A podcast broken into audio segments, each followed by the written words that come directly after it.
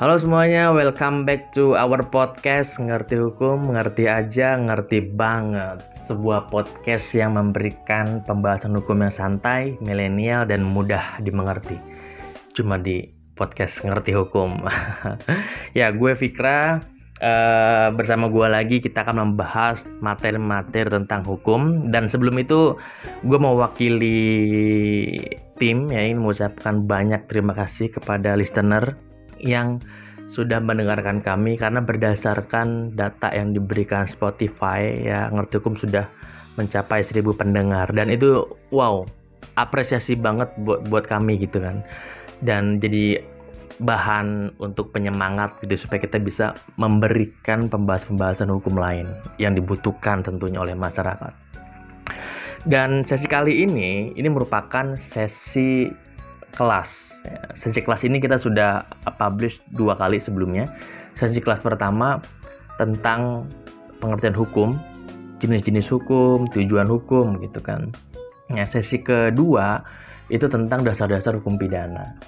Nah, sesi kelas yang ketiga ini kita akan membahas tentang sumber hukum. Nah, sesi kelas memang kami desain, kami rancang khusus untuk belajar hukum melalui podcast dengan tujuan untuk memudahkan uh, mahasiswa khususnya dan juga masyarakat umum yang memang ingin mempelajari tentang hukum. Karena kami melihat di tengah pandemi gini kan proses pembelajaran sekarang udah bergeser ya kan. Dari offline ke online gitu. Jadi kami berinisiatif untuk berkontribusi, memberikan konten-konten yang bisa dijadikan alternatif pembelajaran gitu buat para uh, apa namanya mahasiswa ataupun masyarakat umum. Jadi kalian bisa belajar hukum cuma pakai headset lo aja gitu di motor, di mobil, di rumah sambil dengerin audio dari ngerti hukum bisa bisa sambil belajar. Oke, kembali ke topik. Jadi kita kali ini akan membahas tentang sumber hukum. Kenapa sih hukum itu mesti bersumber ya kan? E, kenapa mesti ada sumber emang mata air kan bukan begitu? ya, Sumber hukum ini menjadi sangat penting di hukum ya. Sangat penting banget. Kenapa? Karena sumber hukum ini bisa menjadi apa namanya? Uh, dasar lo untuk bisa menggugat orang lain gitu. Dasar negara untuk bisa mem mem membuat kebijakan ya kan. Dasar orang untuk bisa membuat somasi ke orang lain gitu. Nah, di podcast kali ini di sesi ini uh, referensi kita yaitu uh, bukunya Dr. Hajah Erna Wijayati SHMH. Setahu gua uh, Dr. Erna ini sekarang menjabat sebagai Dekan Fakultas Hukum Universitas Krishna Dipayana. Jadi kita akan uh, berpacu pada buku beliau gitu. Kalau kita lihat dari pengertian ya, kalau kita lihat dari pengertian Sumber hukum ini bisa disebut sebagai segala sesuatu yang menimbulkan aturan-aturan yang mengikat dan memaksa. Sehingga kalau misalkan aturan itu dilanggar maka akan menimbulkan sanksi atau hukuman. Itu uh, pengertian daripada sumber hukum. Uh, kalau kita lihat di Undang-Undang Nomor 12 Tahun 2011 itu tentang uh, pembentukan peraturan perundang-undangan ada di pasal 2 kalau misalkan lu lihat di situ disebutkan Pancasila merupakan sumber segala sumber hukum negara. Ya kan? Berarti Pancasila ini menjadi induk induk semua peraturan perundang-undangan yang ada di Indonesia. Gitu loh. Makanya kita nggak boleh untuk melanggar uh, Pancasila gitu kan ya. Maksudnya gini kita nggak boleh bikin produk hukum entah itu undang-undang entah itu yang lain itu yang di luar Pancasila gitu. Di luar nilai-nilai Pancasila. Karena Pancasila ini sumber dari segala sumber hukum gitu kan. Alasan kita bikin undang-undang bikin kebijakan apa harus bersumber daripada Pancasila gitu. Kalau kita lihat dari pasal ini. Nah Sumber hukum itu pada hakikatnya bisa dilihat dari dua hal. Yang pertama, ada sumber hukum material dan sumber hukum formil. Apa itu? Pertama deh, sumber hukum material dulu. Sumber hukum material itu berarti faktor-faktor yang mempengaruhi hukum. Ya, faktor yang mempengaruhi terbentuknya hukum, entah itu faktor uh, sosiologis, entah itu faktor uh, filosofis gitu kan, atau faktor yuridis misalkan. Nah, itu itu itu uh, hal yang mempengaruhi terbentuknya hukum.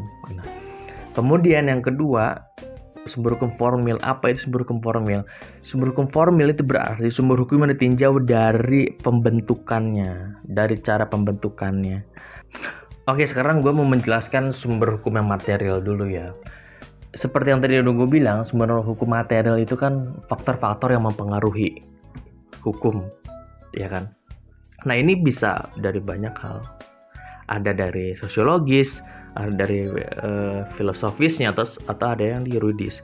Filosofis itu berarti uh, apa namanya dilihat dari nilai-nilai yang ada di Pancasila gitu. Nilai-nilai yang ada terkandung di dalam budaya masyarakat Indonesia gitu kan. Sedangkan yang sosiologis ini berarti dilihat dari corak kehidupan masyarakat, interaksinya bagaimana ya kan. Tipe kerumunannya bagaimana, tipe apa namanya eh, kelompok-kelompok sosialnya bagaimana? Itu bisa menjadi faktor. Dan terakhir dari faktor yuridis. Yuridis dilihat dari eh, peraturan perundangan yang udah ada gitu. Jadi bisa dijadikan patokan juga. Itu dari sumber hukum material gitu kan nah sumber hukum berikutnya yaitu sumber hukum formil yang tadi ditinjau dari cara pembentukannya Sumber hukum formil ini ada ada lima. Pertama itu ada undang-undang, ada kebiasaan, ada jurisprudensi, ada traktat, dan ada doktrin. Kita bahas satu persatu. Pertama ada undang-undang, ya kan? Nah, undang-undang. Undang-undang ini eh, salah satu dari peraturan perundang-undangan yang ada di Indonesia. Jadi nggak cuma undang-undang aja gitu. Kalau misalkan uh, kita buka Undang-Undang Nomor 11 Tahun 2012 yang tadi gue sebutin itu tentang peraturan perundang-undangan. Nah, di situ disebutkan ada hierarki peraturan perundang-undangan.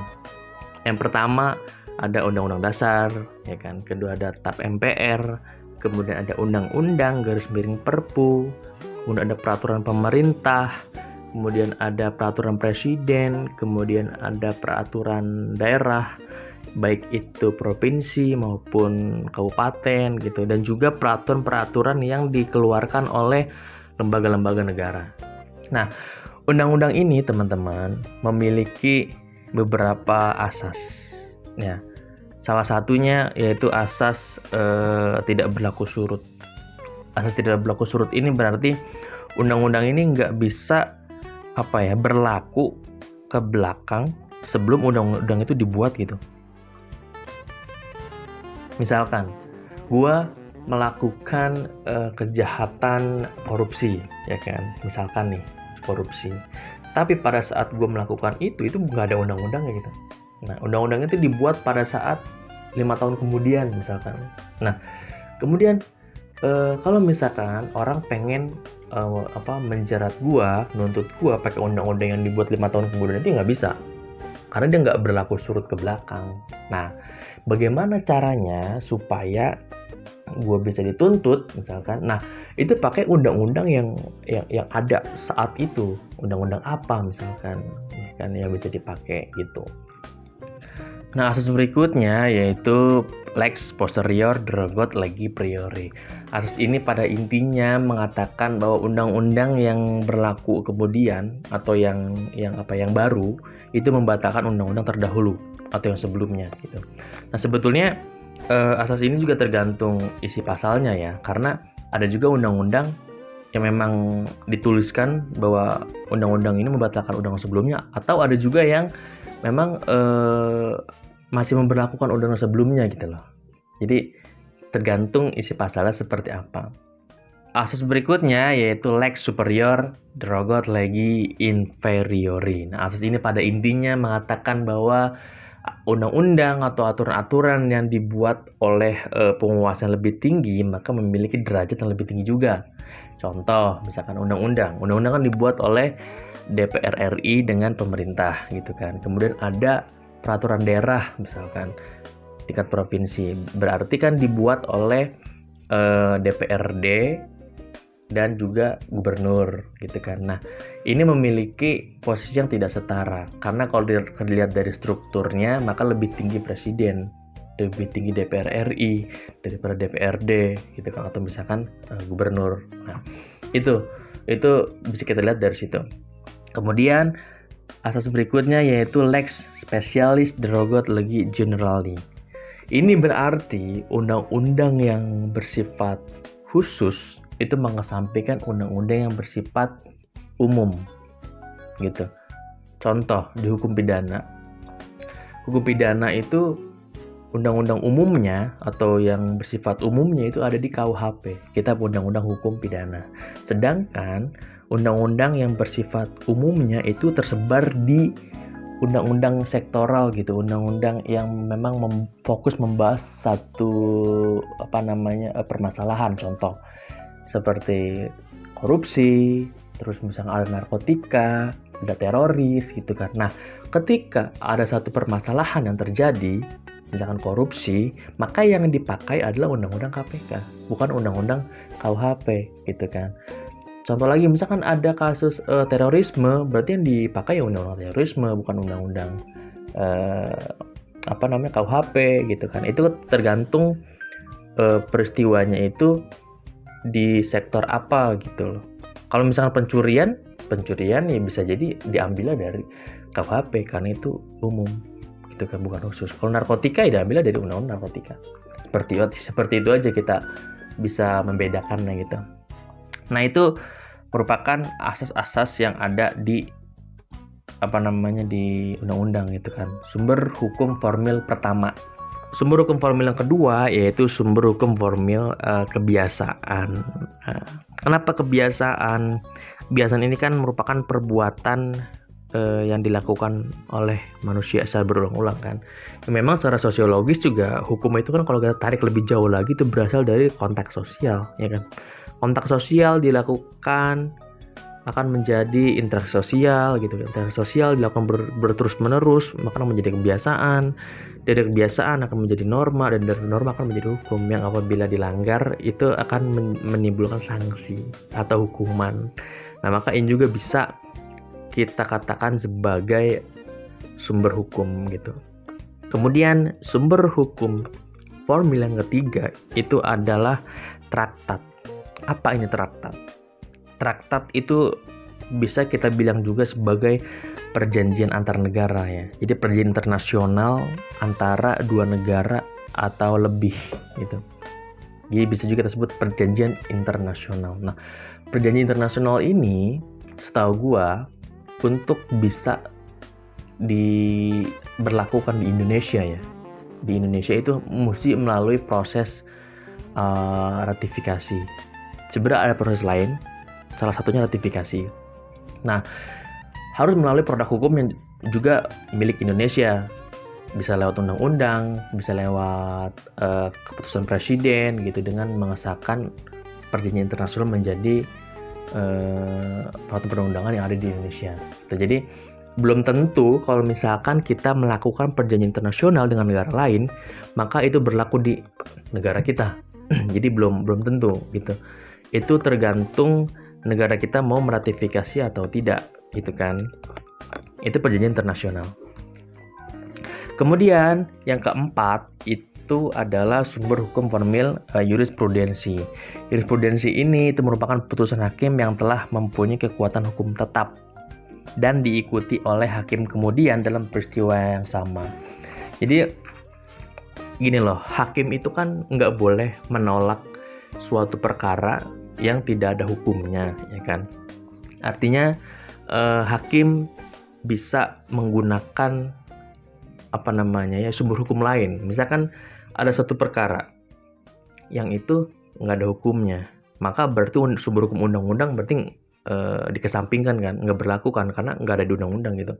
Tapi hakim bisa melihat lain, entah itu dari kebiasaan, entah itu dari keyakinan hakim atau lain sebagainya gitu loh. Nah, jurisprudensi ini kalau misalkan kemudian sudah di apa namanya ditetapkan ya sudah final sudah nggak ada upaya hukum lain gitu kan ini bisa jadi sumber hukum bagi hakim lain dalam kasus yang sama gitu loh ya kan jadi atas dasar itu jurisprudensi menjadi dasar hukum gitu karena hakim nggak boleh uh, menolak perkara yang tidak ada hukumnya kemudian ada terakhir doktrin. Doktrin ini kan berarti pendapat atau ajaran ahli hukum yang terkenal dan pendapatnya pengakuan dari masyarakat. Doktrin ini pendapat ahli lah, ibarat pendapat ahli. Karena uh, di persidangan misalkan hakim ini kan orang hukum gitu kan. Terus kalau misalkan ada perkara uh, korporasi atau atau yang sifatnya ekonomi misalkan ya pasti dia butuh butuh ahli ekonomi ya kan terus kalau misalkan ada pembunuhan ada yang membutuhkan forensik. Hakim kan bukan orang forensik bukan orang kedokteran gitu kan. Nah maka dia butuh ahli di bidang forensik di bidang kedokteran gitu. Nah pendapat ini juga bisa bisa apa namanya bisa jadi dasar gitu loh. Untuk meyakinkan hakim dalam dalam apa namanya eh, memutus suatu perkara. Ini contoh kecil contoh kecil. Karena dokter ini kan mesti keluar dari orang yang memang ahli di bidang itu. Nah itu merupakan sumber-sumber hukum yang kita bahas di sesi kali ini. Semoga bisa jadi pembelajaran buat teman-teman ya buat listener. Dan jangan lupa di share podcast ini uh, dan juga follow Instagram kami di @ngertihukum.id dan juga datang ke website kami yaitu legalvisit.id. Terima kasih, semoga bermanfaat. Ngerti hukum, ngerti aja, ngerti banget.